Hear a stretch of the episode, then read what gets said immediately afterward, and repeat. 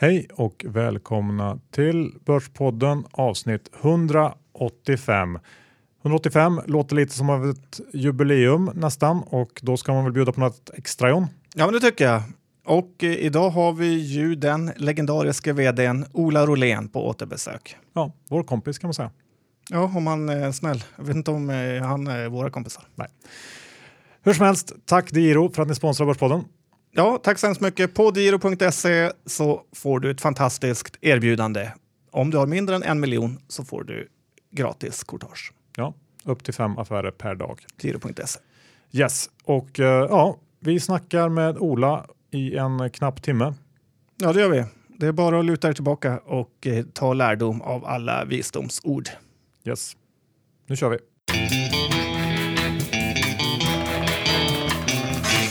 Ola, vi träffas igen. Förra gången var det i Hongkong för eh, drygt två år sedan tror jag. Mm. Och nu sitter du i Börspodden-studion i Stockholm. Välkommen! Tackar, tackar. Vad tycker du om kontoret? Jag tycker det är bra. 2750 i hyra, det, det låter överkomligt. Ja, men det är bra att en kastkotter som eh, du gillar det. Vart var du senast idag? Vart kommer du ifrån? Just nu kommer jag hem ifrån England. Så att, eh, vi träffades ju i Hongkong och då var jag i Hongkong i två år. Men nu har vi flyttat tillbaks till England igen så att eh, ja, jag ska vara med på något som heter Nordnet Live ikväll. Och får vi se hur det går. Saknar du Hongkong någonting? Ja, jag saknar värmen faktiskt, men jag saknar inte luftkon- äh, luftföroreningarna. Nej. Mm. Jag saknar inte luftkonditioneringen heller. Man blir ju väldigt förkyld i, i såna här luftkonditionerade miljöer. Så är det. Eh, ska, vi, ska vi hoppa direkt in i, i eh, samtalet så att säga? För vi har lite tids, eh, ont om tid här egentligen. Mm. Så att, eh, vi kan väl börja direkt med eh, det här som har varit i pressen senaste tiden. Insideraffären och allt kring det. Vad är det som har hänt egentligen? Vad kan du berätta? Jag kan inte berätta så mycket, men, men eh, vi har ju gjort en omfattande utredning och det håller ju åklagaren på att göra också. Och eh, det är så här att det finns insiderlagstiftning som är väldigt komplicerad men i den så finns det någonting som heter Safe Harbor. Och Safe Harbor är de aktiviteter som en investerare kan göra utan att bryta mot in, insiderregler. Och stake building är ett begrepp som, som ryms inom Safe Harbor och det är precis det som har skett i det här fallet. Så att det är inget brott mot insiderlagstiftningen vare sig i Norge, Sverige eller något annat land. Och, och stake building, vad, vad innebär det konkret? Stake building innebär konkret att tänk dig att ett företag ska lägga ett bud på ett annat företag och så köper de upp till 5% innan de annonserar budet. Då, då har du köpt på din egen affär. Du har, eh, du har ju handlat aktier billigare för att ofta sker ju ett bud till en premie. Och eh, du har rätt att köpa upp till 5% men sen måste du flagga. Och vad är åklagarens case eh, mot dig? Ja, det vet vi inte just nu därför att den häktningsorder som jag greps på den, den är numera obsolet. Och eh, det återstår att se. Eh, åklagaren utreder och vi, får- vi får se om det blir nedlagt eller om det leder till åtal. Ja, vi vet ju vad vi hoppas på som är stora Ola-fan. Ja, vi, vi lämnar väl det eftersom du kan inte säga så mycket mer antar om det här. Men, men hur har det påverkat dig i stort då? Är det, bryr du dig mycket om det här, eller, eller eh, är det jobbigt eller hur, hur har det varit? Nej, men jag tror, jag tror till en början så var det ju väldigt jobbigt därför att jag, jag förstod ju inte varför jag blev arresterad. Och jag blev ju arresterad här i Sverige och sen eh, flugen till Norge. Och det var egentligen först eh, två dygn senare som jag fick reda på vad det gällde. Så att eh, ett tag så ett tag så undrade jag om jag höll på att bli kidnappad men sen så försäkrade de att de var poliser och visade lägg och så vidare. Och, och, men, men just den här ovissheten att inte veta vad det handlar om. Och sen när jag fick reda på vad det handlade om så tänkte jag det här är ju ett misstag, det här klarar vi ut väldigt fort. Men tiden gick och, och ja, hur var det att presentera den här legendariska rapporten med EBM-personal utanför glasfönstret? För lyssnar man på det konfkålet så lät du ju helt eh, oberörd. Nej, men jag, jag, var så inställd på att det här är ett missförstånd som kommer klaras ut att jag räknade med att om jag bara tar mig till Oslo så har vi helgen på oss att klara ut det hela. Så att eh, jag tycker det hade varit, det hade varit väldigt synd om eh, om vi hade varit tvungna att avbryta konfkålet. Och det, det kändes bara rätt att göra det. Kände du någon pirr i magen när du landade i Stockholm idag? Att det var något nytt eh, på gång? Ja, det, det, är ju lite skräckblandad förtjusning att landa och tänka, är det någon som möter en nu eller kommer man igenom tullen? Vem tänkte du hade kidnappat dig då? Hur gick det? Någon ryss eh, eller? Nej, men det, det, när, när, man blir utsatt för såna här situationer så tänker man ju, först tänkte jag, är det en svensexa? Men jag är ju gift sedan länge sedan och alldeles för gammal. Men, men jag tyckte de såg unga ut, speciellt den här polisen. Så att jag började ifrågasätta, är du verkligen polis? Och så vill du se legitimation? Jag är visst polis. Så att han blev osäker också. Och, och ja. Så att det, det var ju lite dråplig situation i allt elände. Har det här påverkat då ditt, det här, um, din syn på, på eh, investeringar utanför Hexagon och hela den här biten? Nej, egentligen inte. För att jag har ju inte, jag har inte gjort något fel. Utan tyvärr är det en serie eh, olyckliga omständigheter som gjorde att jag hamnade som jag gjorde. Eh, det var ju inte investeringen i sig som var tokig. Om du tittar tillbaka på det, är det något du hade kunnat gjort annorlunda för att eh, enkelt eh, slippa hela den här härvan? Alltså, vad vi gjorde som man kan säga var tokigt det är ju att vi skrev Greenbridge, det här bolaget vi har startat som då ännu inte var startat i pressreleasen ihop med Next Biometrics. Men vår tanke var ju att Greenbridge kommer ju äga de här aktierna långsiktigt och, och vi ville vi ville få ut att det var de som skulle äga aktierna på sikt också. När man, man tänker ju inte ur eh, insiderrapporteringstermer när man skriver en pressrelease utan eh, vi, vi, borde i efterhand så borde vi också ha nämnt mitt privata bolag som gjorde de fysiska köpen. Okej, okay. ja men det är bra. Hur är det med bolaget Next då? De gjorde ny emission här eh, för några dagar sedan på 134 kronor kanske. Var du med där? Nej, vi var inte med därför att eh, vi bedömde att vi som styrelserepresentanter i Next satt på så pass mycket information att det här var ju en riktad emission. Och, och, om det är en riktad emission och du sitter på insiderinformation så kan du helt enkelt inte delta. Ja, det är kanske bra att vara extra försiktig. Men hur, är, hur går det med Next? Är, det, är du lika förhoppningsfull? Ja, jag, jag tycker det ser bra ut. Vi har vi har rekryterat en ny vd. Jag tror hon blir jättebra. Vi har eh, börjat få ordning på produktionsstruktur och, och det finns en hel del intressanta grejer runt det bolaget. Vi, vi tycker det ser spännande ut. Mm. Ska vi hoppa in på Hexagon då och se vad som hänt där på slutet? Mm. Ni släppte ju Q4, Q4 för inte så länge sedan. Och uh, ja, berätta lite kort. Ja, vad ska man säga? Det blir ju som en väderleksrapport att eh, Europa är okej. Okay. USA var lite halvtrögt. Kina var fantastiskt. Men, men det kokar ner till att eh, världskonjunkturen är lite trög just nu. Vi, vi växte redovisat med 4 organiskt 2 och, och, det är lite svagt. Och, och, det finns alltid skäl varje kvartal men, men när man summerar så får man helt enkelt säga att efterfrågan är inte där den, den var för fem år sedan. Och det är svårt att se vad som ska få efterfrågan att riktigt ta fart just nu. USA går ju bra och har gjort det länge. Kina håller på att takta ner och Europa har andra problem. Så att eh, jag tror vi får vänja oss vid en, en tillväxt i världsekonomin som är lägre än, än vad vi har sett hittills. Men Kina var ju lite av ett utropstecken mm. som kanske var lite oväntat. Vad är det som försiggår där? Jag tror det är väldigt mycket Hexagon och inte så mycket Kina. Vi, vi är nu aktiva i det som kallas för Smart Cities. Och, och Kina har beslutat att investera i teknik för att göra över 300 städer smarta. Sen bygger man någonting som kallas för New Silk Road och det, det är en järnväg som ska gå från Peking till Tyskland. Eh, och det, det gav oss en hel del order och affärer också. Så att det, det är ett antal riktigt intressanta projekt men, men själva efterfrågan, slutefterfrågan i Kina, den är dämpad jämfört med för fyra fem år sedan. Det lät ju som ett helt eh, otroligt projekt, en järnväg mellan Peking och eh, Tyskland. Helt otroligt. När ska den vara klar?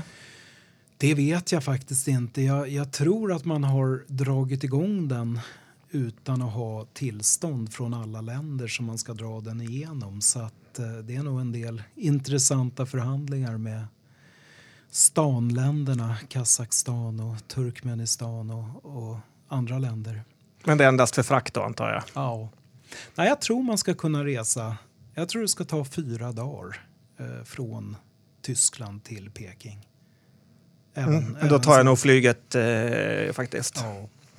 Men, men, Kina generellt då, för jag kommer ihåg när vi träffades i Hongkong sist så var du väldigt positiv då kring mm. Kina eh, generellt framöver. Eh, ganska lång sikt så här framöver.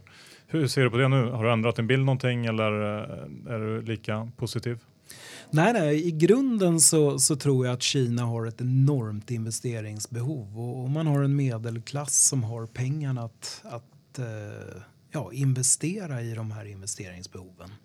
Så jag, jag, tror att Kinas bastillväxt kommer fortsätta men det har ju hänt en hel del i världsekonomin sen vi sågs. Eh, man har bytt president i USA och eh, vi får se vad som händer med de här frihandelsavtalen men han har ju pekat, han har pekat ut Kina som skurken i, i USAs eh, bytesbalansunderskott. Och, och, det är klart, blir det handelshinder så Kina inte kan exportera då kommer det påverka kinesiska ekonomin. Är Trump bra eller dåligt för Hexagon? Trump är nog... Ja, det är svårt att säga. Nej, men just i USA så tror jag det kan vara bra. Därför att han, om inte annat så ska han ju bygga en mur. Men, men skämt åsido, infrastruktur är ju något han ska satsa på. Det, det kommer gynna Hexagon. Men samtidigt så pekar han ju nu på Tyskland, Japan, Korea, Kina med stora handelsöverskott mot USA och vill införa tullhinder. Så att om vår verksamhet går bra i USA så kan den ju drabbas negativt i, i resten av världen. Och det, det är svårt att säga hur det här ska slå. Hur är det med Brexit då? Är det, hur, vad tycker du om den? Brexit, eh, det var ju lite besvikelse. Jag, jag har ju bott i Storbritannien i snart 15 år med ett mellanspel i Hongkong och det var väl lite besvikelse därför att vad vi som invandrare, jag är ju invandrare, första generationen. Har du acklimatiserat dig? Absolut. Fått jobb? Absolut. Uppehållstillstånd. Nej, men vad, vad, det kändes för oss som levde där, det var ju att det var en, en röst mot invandring och, och att det blev lite tuffare klimat mot oss invandrare.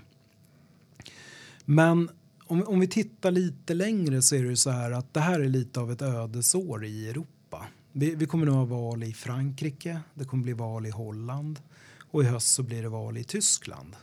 Och det finns ju extrempartier som är på frammarsch både i Frankrike och Holland. Och, och, om Le Pen vinner i Frankrike så har ju hon sagt att hon vill att Frankrike lämnar EU också och att det blir Frexit. Och, och då är ju frågan vad händer med hela, hela Europa?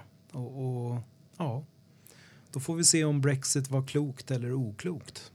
Men i stort går väl Storbritanniens ekonomi rätt bra efter där? Mm.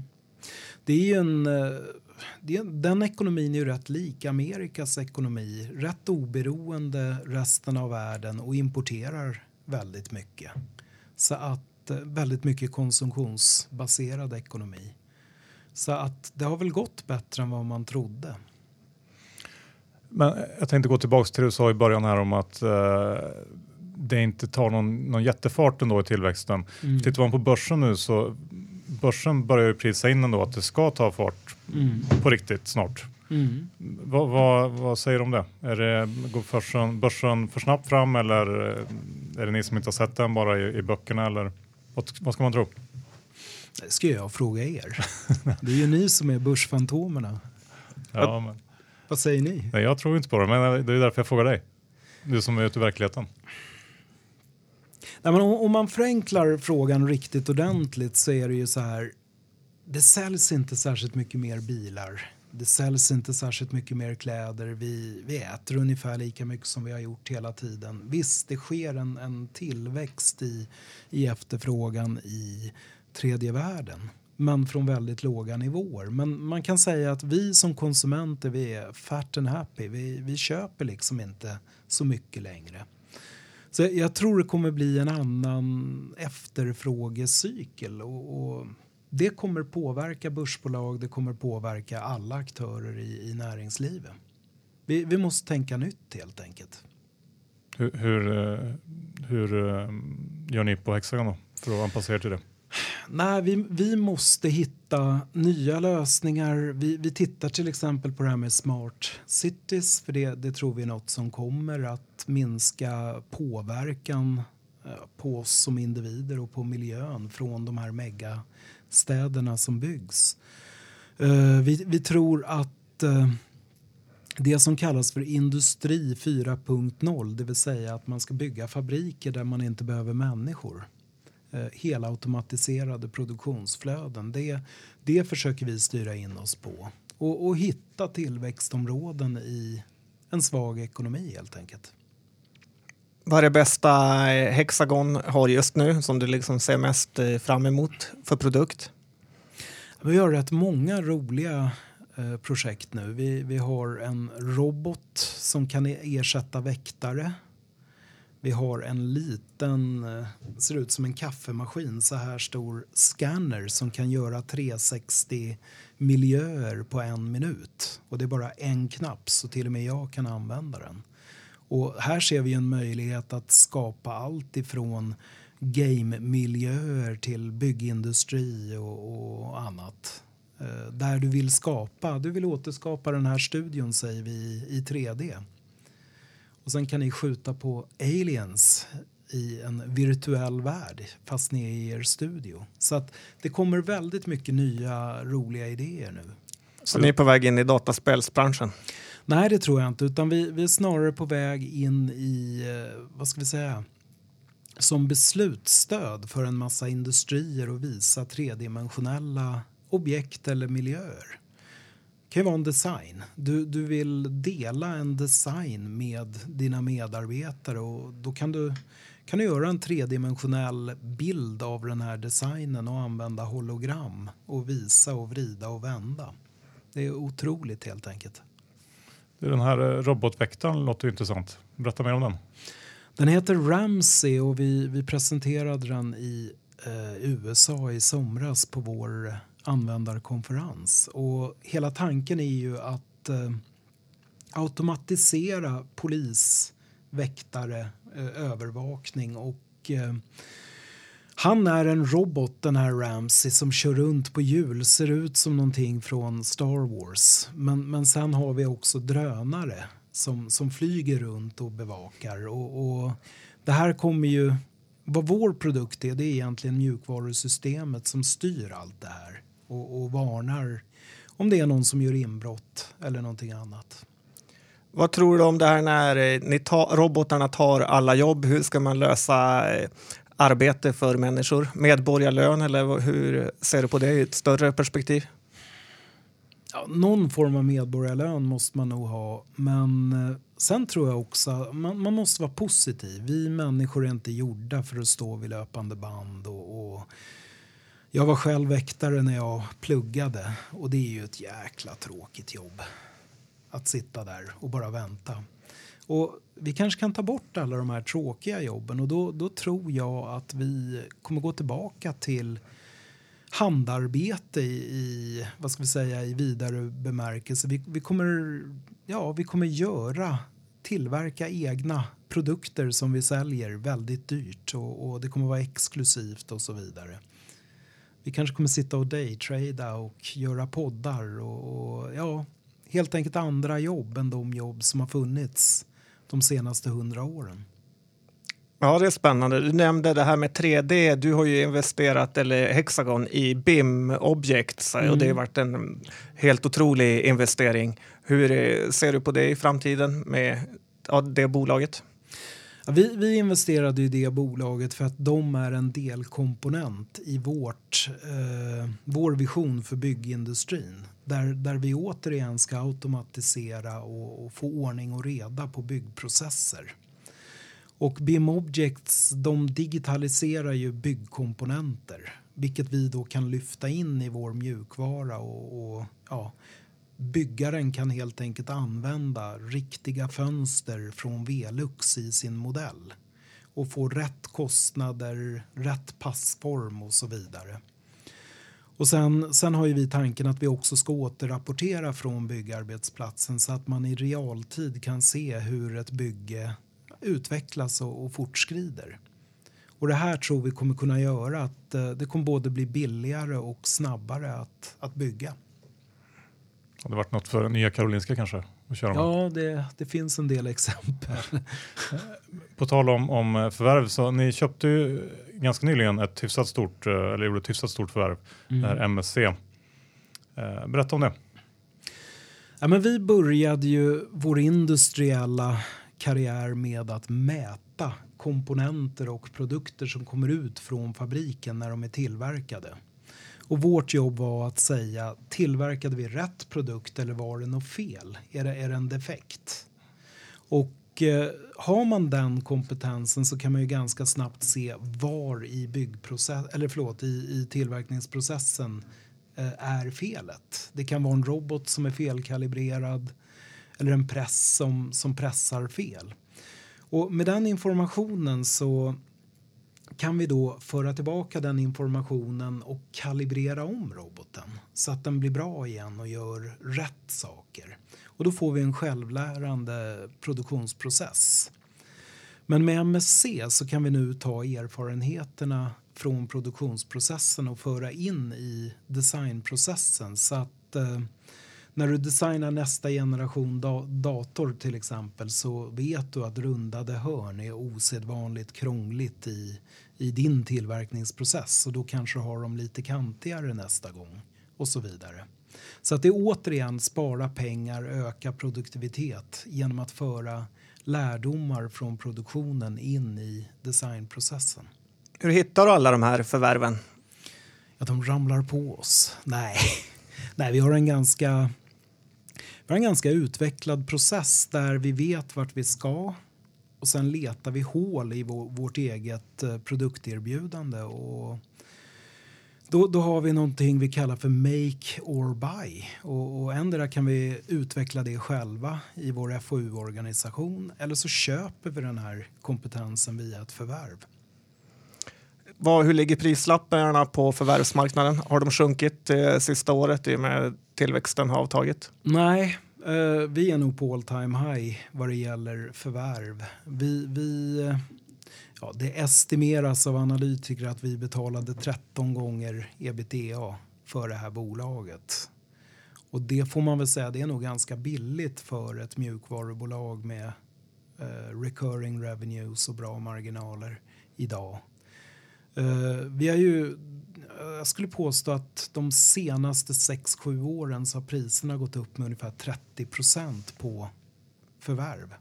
Så att vi är på en toppnivå. Håller Hexagon på att bli för stort? Nej, det tycker jag inte. Vi är fortfarande små. Uh, jag ser enorm potential att, att växa vidare med det här. Hur länge kommer du bli kvar som eh, vd eh, om du får välja själv? Förut pratade man om en femårsplan. Nej, men om jag får välja själv. Det, vi har en hel del riktigt roliga grejer på gång. Vi pratade automatiska väktare, det kommer autonoma bilar, det kommer en massa spännande grejer här de närmaste fem åren. Och, och få se det här utvecklas och, och ja, köra några år till, det, det tycker jag vore kul. Man kan säga intellektuellt så vet jag inte någonting roligare än att jobba med Hexagon. Det här med autonoma bilar, det är ju spännande. Mm. Vad, tror du att det kommer att komma helt autonoma bilar inom fem år? Jag tror att den första kommersiella autonoma bilen kommer runt 2019-2020. Och eh, den kommer vara autonom på motorvägar. Så att om du kör mellan Stockholm och Göteborg eller Stockholm-Malmö så kan du trycka på autopiloten och den kommer helt säkert kunna köra dig på motorvägen ja, i 110. Och det är 110 i. Mm. Ja, bra. 120 mellan Uppsala och Gävle. Okej. Och 120 mellan Uppsala och Gävle. Så att däremot i stadstrafik, där, där tror jag det kommer dröja lite längre därför att även om bilarna är säkra så litar inte vi människor på det. Och, och det är mycket cyklister och barn och, och grejer i en, en stadsmiljö som gör att eh, själva lagstiftningen måste ja, måste anpassas. Vad, vad händer i skuldfrågan om en autonom bil kör på någon? Men definitivt på motorvägar inom fyra år kanske. Jag tänkte Hans Westberg ska kliva in i Hexagons eh, styrelse. Är det rätt eh, kille? Han har jäkligt bra erfarenhet och han kan ju telekom. Och mycket av våra lösningar framöver bygger på att vi bygger applikationer ovanpå telekommiljöer. Där vi skickar information via telenätet. Så att det, det tror jag kan bli riktigt intressant. Vi har ju tyvärr inte lika stort samarbete med Ericsson som med Huawei. Där vi faktiskt har ett strategiskt samarbete. Och vi kanske får chansen att komma in på Ericsson nu via Hans. Ja, vad tror du om Ericsson egentligen? Snart är Hexagon nästan större än eh, vad Ericsson är. Jag eh, pratade i podden tidigare om att du skulle kunna ta över Ericsson. Är det inget som är intressant? Nej, men jag tyckte ditt löneförslag var intressant. Det var, det var det jag fastnade för mer än kanske själva jobbet. Ja, men det står kvar om jag bara fick bli ordförande för Ericsson. Men om vi tittar på framtiden då. Vad är framtidsbranscherna? Vart är det man ska ge sig in i förutom självkörande bilar och vakter? Nej, men det, det är nya tjänsteföretag. Vi har redan sett dem. Eh, Uber och, och Airbnb och, och annat. Där man tar en bransch som, som egentligen inte fungerar särskilt bra idag och, och tillför en ny teknologi och vänder upp och ner på hela branschen och och ändrar konkurrensförutsättningarna fullständigt. Eh, jag tror byggindustrin till exempel, de flesta byggbolag har 2 rörelsemarginal. Jag, jag tror att där går det att göra otroligt mycket. Eh, väktarbranschen, det är ju egentligen stora manpowers, de här väktarbolagen och det är en enorm omsättning med personal och, och inte särskilt bra marginaler. Det tror jag är en jätteintressant bransch också. Så att man ska hitta branscher där det går att göra något nytt och, och radikalt förändra lönsamheten för aktörerna. Det tror jag. Innan vi kommer allt för långt bort ifrån Hexagon också tänkte jag, vi, vi pratade lite om det här. Nu, ni eh, kör igång ett litet besparingsprogram här i samband med Q4 och, eh, och så ska ni öka investeringarna i, eh, i utveckling och, och forskning och även eh, säljstyrkan förstår jag det som. Berätta lite om det. Ja, men det, är, det är ett långsiktigt eh, projekt eh, över en femårsperiod. Vi räknar med att kunna lyfta vår rörelsemarginal till 27-28 procent från 23,5 i fjol. Och då måste vi ändra själva strukturen på företaget. Eh, vi har gjort många förvärv. Vi har 8-9 procent av omsättningen i administrationskostnader och där såg vi ett snabbt klipp att helt enkelt lägga ihop legala enheter i, i flera länder och strömlinjeforma administrationen. Eh, och då tror vi vi kan ta ner den kostnaden. Men sen måste vi på sikt ta in dyrare säljare som säljer systemlösningar snarare än produkter. Och då kommer säljkostnaden öka som andel av försäljningen. Och för att kunna fortsätta att ligga i frontlinjen så måste vi ha mer resurser i FoU. Så att FoU och försäljningskostnader kommer gå upp men administration går ner. Och netto för att kunna öka rörelsemarginalen så måste vi få ett större mjukvaruinnehåll i produkten så att bruttovinsten också går upp över de här åren. Så att eh, vi hade 60 procents bruttovinstmarginal i fjol. Och den kanske måste upp mot 80 procent. Och sen så då kan vi öka OPEX som det heter, alltså overheadkostnader, men ändå ha en högre ebit. Mm. Så det är hela ekvationen. Jag förstår. Du, sen har jag sett att det är en del, en del analytiker som klagar på att ni investerar ganska mycket ändå i utveckling och forskning. Men att tillväxten ändå varit lite halvsvag sådär. Va, vad har du för, för svar på det?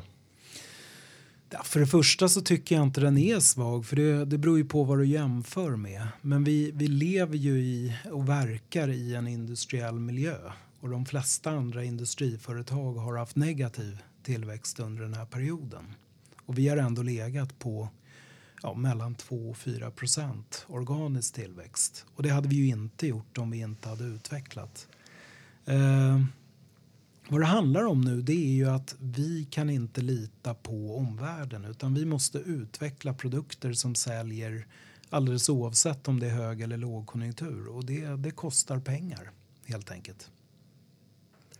En annan fråga som rör finansfolk är ju att det finns en del blankare som är ute efter er eh, och bland annat eh, kritiserar er redovisning, mm. eh, intäkter och så vidare. Va, va, va, hur försvarar du dig där? Intäkter har jag faktiskt aldrig hört någon kritik utan det, det var någonting jag hörde nyligen och jag, jag förstår inte kritiken. Däremot så har vi från tid till annan fått kritik för att vi kapitaliserar våra FoU-kostnader. Men det är vi ju helt öppna med och det står ju var och en fritt att dra bort den kapitaliseringen från rörelseresultatet. Kan du berätta för de som inte är redovisningsexperter vad det betyder? Nej, men det betyder att om vi utvecklar ett projekt, en ny produkt som vi tror har en livslängd på fyra år alla kostnader för att utveckla den produkten lägger vi som en tillgång i balansräkningen och så skriver vi av den över tre år. Och då får du ju kortsiktigt effekten att du, ja, du får inte kostnaden i resultatet utan du får den utspridd över tre år. Så att du lättar lite granna på eh, utvecklingskostnaden första året. Men det är som vi brukar säga att det, det där jämnar ut sig och, och du får en effekt i början men vart efter tiden går så kommer avskrivningar och kapitalisering att ta ut varandra. Varför gör ni det ens då om det ändå kommer vara even Steven i långa loppet? Äh, det, vi har inget val. Det är IFRS som säger att vi ska göra så här. Så att eh, det finns en massa regler, redovisningsregler som man kan ifrågasätta men man måste följa dem. För jag såg nu, nu, i veckan här så dök ju till exempel Einhorn upp som, som ny eh, publik storblankare, Greenlight Capital. Och eh, vad, vad är det som gör tror du att de ändå eh, att just Hexagon dyker upp hyfsat ofta som, som föremål för eh, blankare och att det är ett bolag som, ja, som kommer upp i diskussionerna. Har, har de blankat i oss? Ja nu i veckan? För det ja, tror jag var i höstas. Ja, nu är de upp nu med, med 0,5 procent och sånt, mm. 0,6 procent. Ja, det, får ju, det, får vi, det får vi fråga dem om. Jag, jag tycker 0,5 procent är ju ingenting. Ja. Det kan ju vara så att de har short hexagon, long trimble. Eller Absolut. Det, mm. jag, jag, har ingen aning. Mm. Men eh, 0,5 procent är ju en väldigt blygsam position i ett börsbolag. Det, det, finns ju börsbolag Fingerprint Cards med 14-15 procent blankat mm. när det är som värst. Har du kvar dina aktier i Fingerprint? Ja, det har jag. Vad tror du om eh, framtiden där? För nu är ju värderingen eh, väldigt låg. Det var ju ett fynd när vi pratade med dig i Hongkong mm. och aktiekursen har ju exploderat eh, och även framförallt vinsten har ju gått som ingen annan trodde. Mm. Men nu har det faktiskt fallit tillbaka rätt ordentligt. Vad, vad tycker du om caset som det är nu? Nej, men jag kände väl som alla andra att uh, den här vinstvarningen som kom i fjärde kvartalet det var ju en besvikelse om jag ska vara ärlig. Uh, jag och många hade nog hoppats att det skulle bli det bästa kvartalet i fjol. Men jag tror att nu har alla kalibrerat om sig och, och, man får ställa in sig på en betydligt måttfullare tillväxt och mer priskonkurrens. Så att, uh, jag tycker fortfarande det ser intressant ut ur ett värderingsperspektiv men, men eh, som sagt var, marknaden har nog hårdnat lite. Är fingeravtryckstekniken något Hexagon kan använda sig av?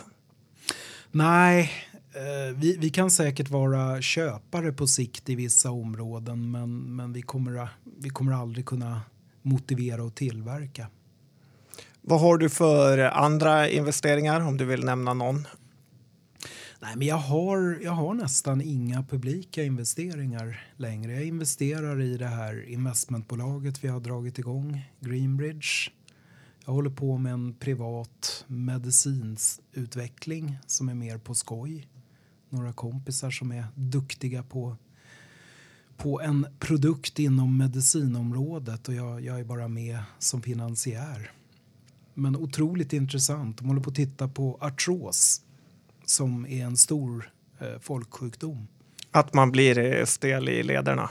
Nej, att du får ont i lederna, att knäna helt enkelt inte orkar med längre och ja, till sist så får du byta ut knän.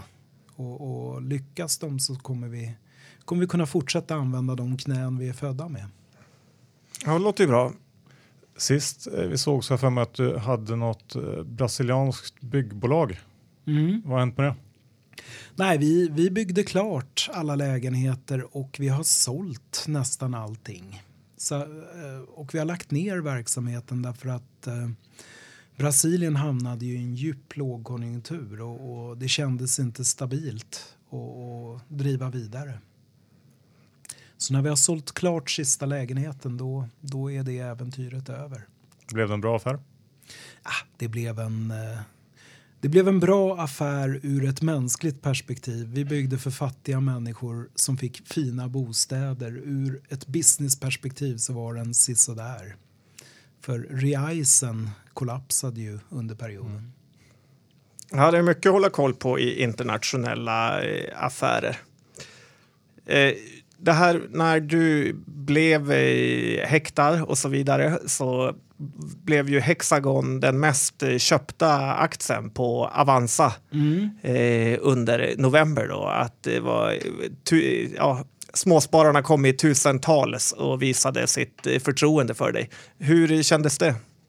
Ja, men det kändes bra. Samtidigt så tror jag det faktiskt var så här att Hexagon är ett väldigt fint bolag alldeles oavsett. Och, och jag tror att många småsparare tyckte att nu har det blivit billigt. Och den har ju återhämtat sig så att det är jättekul att de har gjort en bra affär. Ja, det har de verkligen gjort. Hur mycket uppsida finns det kvar? För eh, länge sedan talade de om en eh, dubbling när, vi, när den var kring 200. Nu är den närmare 400. Mm. Når vi 500 igen? No, man ska inte yttra sig om, om börskurser som vd, men eh, jag måste ju tro på mitt bolag och det gör jag. Ja, eh, det förstår jag. Sen har ju media också varit lite ute efter dig och skrivit mycket artiklar. Tar man det personligt när de jagar en? Att man, eh, ja, hur känns det? Jag, jag tror man måste, man måste förstå att jag är ju en publik person och i min vd-roll så får jag ju ta ett och annat från media. Det, det ingår i jobbet så att säga. Eh, att, att det skapar intresse om någon blir häktad på Arlanda och förd till Norge, det, det får man säkert räkna med också. Sen så kan man ju tycka att det är lite trist och, och framförallt att eh, det är jobbigt för familj och annat när det skrivs. Nu har ju jag turen att bo i England där det absolut inte skrivs någonting. Så att, eh, blev du besviken över det? Nej, men jag menar i konkurrensen mellan drottningen och Mick Jagger så är det väl så att jag är rätt ointressant. har, du, har du varit och kollat på någon eh, Manchester-match nu när Zlatan har flyttat dit? Nej, jag har faktiskt inte gjort det. Eh, det är för långt att åka till Manchester. Vi bor ju i Londonområdet och eh, de har varit nere och spelat i London några gånger men det har alltid varit fullt. Men det, det hade varit jättekul att se honom. Hexagon har ingen box i något i Chelsea eller Arsenal? Ja, inte vad jag känner till, men... Osvuret är bäst. Och eh, sen är det ju så att eh, din IR-person som du hade i Hongkong som vi också träffade gick till Dine Gerge som eh, fondförvaltare. Blir man så duktig på kapitalallokering att det bara gäller att hänga runt det ett tag så eh, får man toppjobb? Nah, för det första så den ni träffade i Hongkong, han har faktiskt blivit divisionschef och har flyttat till Huntsville, Alabama. Men den du tänker på, han, han var IR och satt i Stockholm. Och eh, han var riktigt duktig och jättekul att Dine Gerge hade en plats för honom. Blev du arg när de tog honom? Absolut inte. Man, man ska inte bli arg över sånt utan det, vad livet går ut på det är ju faktiskt att ha ett så bra liv som möjligt. Och han kunde bli eh, fondförvaltare på Didner Gerge vilket är ett mycket roligare jobb. Eller kanske inte mycket roligare, men lite roligare jobb än att vara IR-ansvarig på Hexagon. Så att man ska bara önska lycka till. Din, en, dag för dig som vd på Hexagon, vad, vad går den ut på? Vad lägger du tid på? Det går väldigt mycket tid går åt att koordinera. Det, att göra en strategi, det går rätt fort. Man, man, man sätter ut en prick någonstans på en karta och så går man ditåt. Men på resan dit så, så uppstår det ju hela tiden problem. Det är väldigt ofta ihopkopplat med människor. Så länge du har människor inblandade så blir det problem och, och de måste man lösa. Det kan vara allt ifrån tekniska problem till prestige i organisationen. Men, men mycket av mitt jobb går ut på att lösa upp knutar och, och få det att flyta bra. Och sen säkerställa att vi hela tiden följer den vision som vi har satt upp. För det är rätt lätt att, att hamna åt fel håll också. Vart får du all energi ifrån och orka med alla fighter? Red Bull? Nej, jag vet inte. Jag tycker det är kul. Gör man roliga grejer så får man energi. Gör man tråkiga grejer så... Ja, då... Man ska akta sig för energitjuvar. Det tror jag är viktigt. Ja, därför försöker jag sluta träffa Johan hela tiden. Hur många resande dagar har du per år? Eh, jag reser nog tre dagar i veckan, ungefär. Vart var du senast? Senast var jag i Berlin. Hipsterstaden? Hipsterstaden. Hur går det på börsen? Har ni tjänat eller förlorat i år? Ja, vi tjänar alltid. Det är i alla fall imagen utåt vi försöker ge. Helt rätt. Johan hoppas ju på börskrasch eh, så att vi får se när det kommer. Ja, men jag, jag satsar även på lite annat också för att hedga mig. Jag kan okay. ju inte bara göra som jag, som jag tror. Bland annat kärnkraftsindustrin. Vad tror du om den när vi ändå har det här? vi, vi levererar ju ritsystem, alltså för att rita kärnkraftverk. Och vi ser ju ett uppsving. Eh, Ryssland, Kina, Finland bygger ut kärnkraften. På sikt så, ja, jag tror att vi kanske måste göra det globalt därför att eh, tittar vi på kolkraft och annat som Indien använder så, så det kommer vara ohållbart att köra kolkraftverk när så många människor ska konsumera eh, el. Så eh, kärnkraft tror jag faktiskt kan få ett uppsving. De här nya energikällorna som solenergi, vågenergi, vind, mm. vad, vad ser du där? De, de växer också. De är säkert bra komplement, men de är ju betydligt mer volatila. Eh, kärnkraft finns ju vare sig det är vindstilla eller sol eller mörkt. Eh, det, det, är ju en baskälla, ungefär som vattenkraften här i Sverige. Ungefär vad jag brukar säga till dig, John. Ja, men tack. Det känns bättre när Ola säger det än när du säger det. Ja. Vi har varit inne en del på, på eh, tekniktrender som du verkligen tror på som mm. autonoma bilar och, och, robotar och så vidare, automation. Finns det någonting då som du tycker upp på så att nu som du inte riktigt ser har den här ljusa framtiden som det kanske som man kanske hoppas på? Hmm. Jag har sett vissa sådana här fintech eh, applikationer, bara för det kommer jag inte på någon nu, men, men där jag tycker att det där verkar överdrivet krångligt för att lösa ett ganska enkelt problem med betalningar eller vad det må vara. Så att... Eh, nej, alltså jag, jag, brukar glömma dem jag tycker är dåliga. Så att jag kommer inte på någon, någon riktigt dålig investering just nu.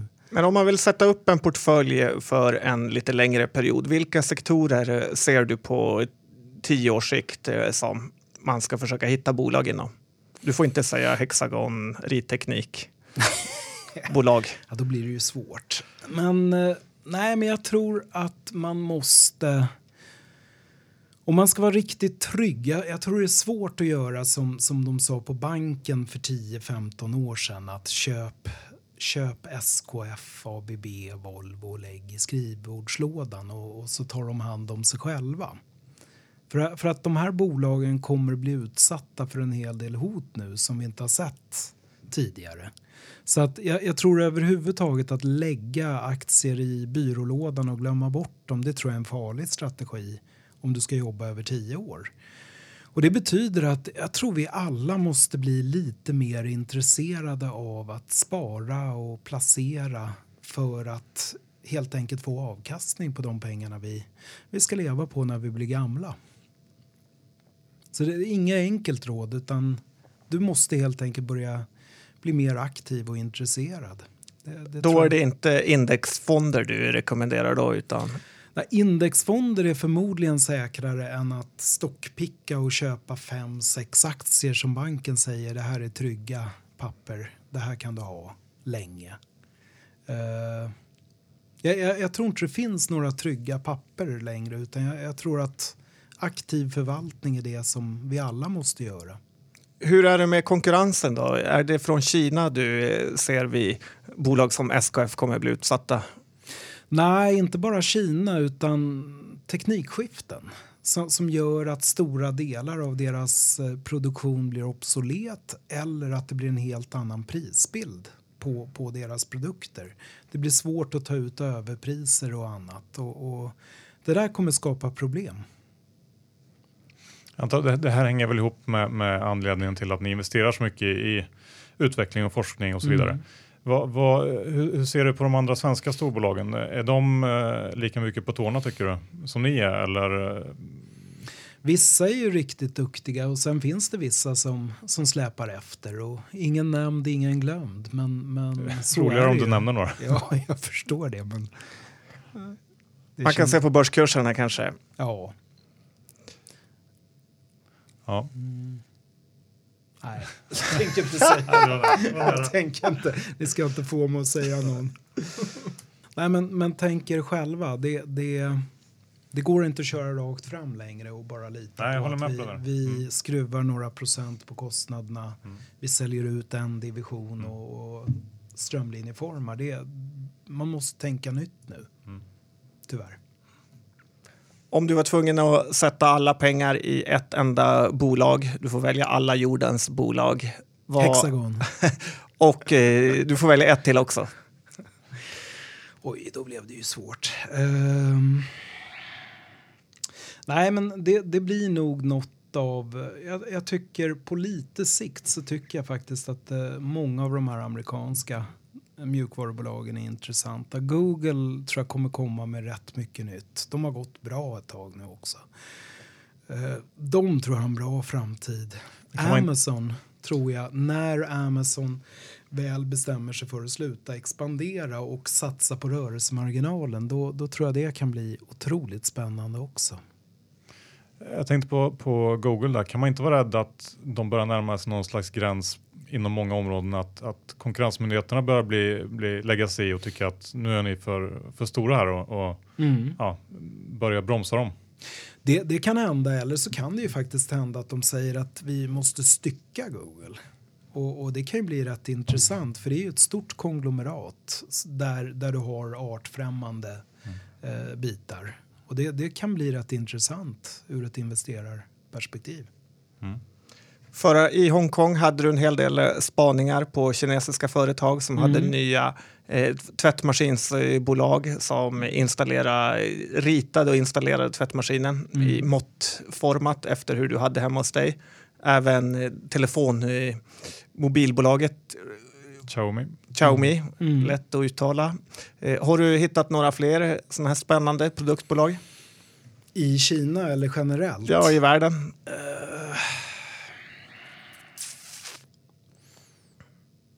Nej. Jag tror faktiskt... Eh, nej, jag kommer faktiskt inte på någonting just nu på rak arm. Som jag har sett. Som jag tycker ser spännande ut. Vad har du själv för telefon? Jag har en Apple. Sju. Nej, sex. Nå- något sånt här nytt tjänstebolag då, förutom de här stora som vi redan känner till, eh, Uber och Airbnb då, eh, som du har sett som, eh, det här kanske skulle kunna funka i Sverige. Kanske något för, för någon ung lyssnare att att köra i Sverige. Nej, men då kanske jag måste köra. Det vill jag ju inte tala om här. Nej, det glömde vi. Man måste ju ha något att göra när man är pensionär. Det är sant. Ehm, Du, du ska snart iväg till Nordnet Live och snacka, pratade vi om i början här. Vad, vad ska du prata om där? Det vet jag inte för jag ska bli intervjuad så att eh, jag ska svara på frågor. Skönt att vi hann före då. Ja, Ja, tack så mycket Ola för att Tack. du kom till Börspodden. tackar.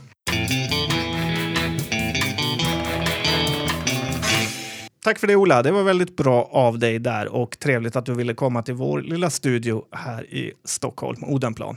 Det var det verkligen John och vi ska väl säga att vi genomförde den här intervjun den 16 februari och eh, ja, det är väl inte så mycket mer att säga. Nej, tack, för att ni lyssnade. har vi tackat Iro? Ja, tack Diro. Tack för att du lyssnade så hörs vi om en vecka igen. Ha det gott! Tack och hej.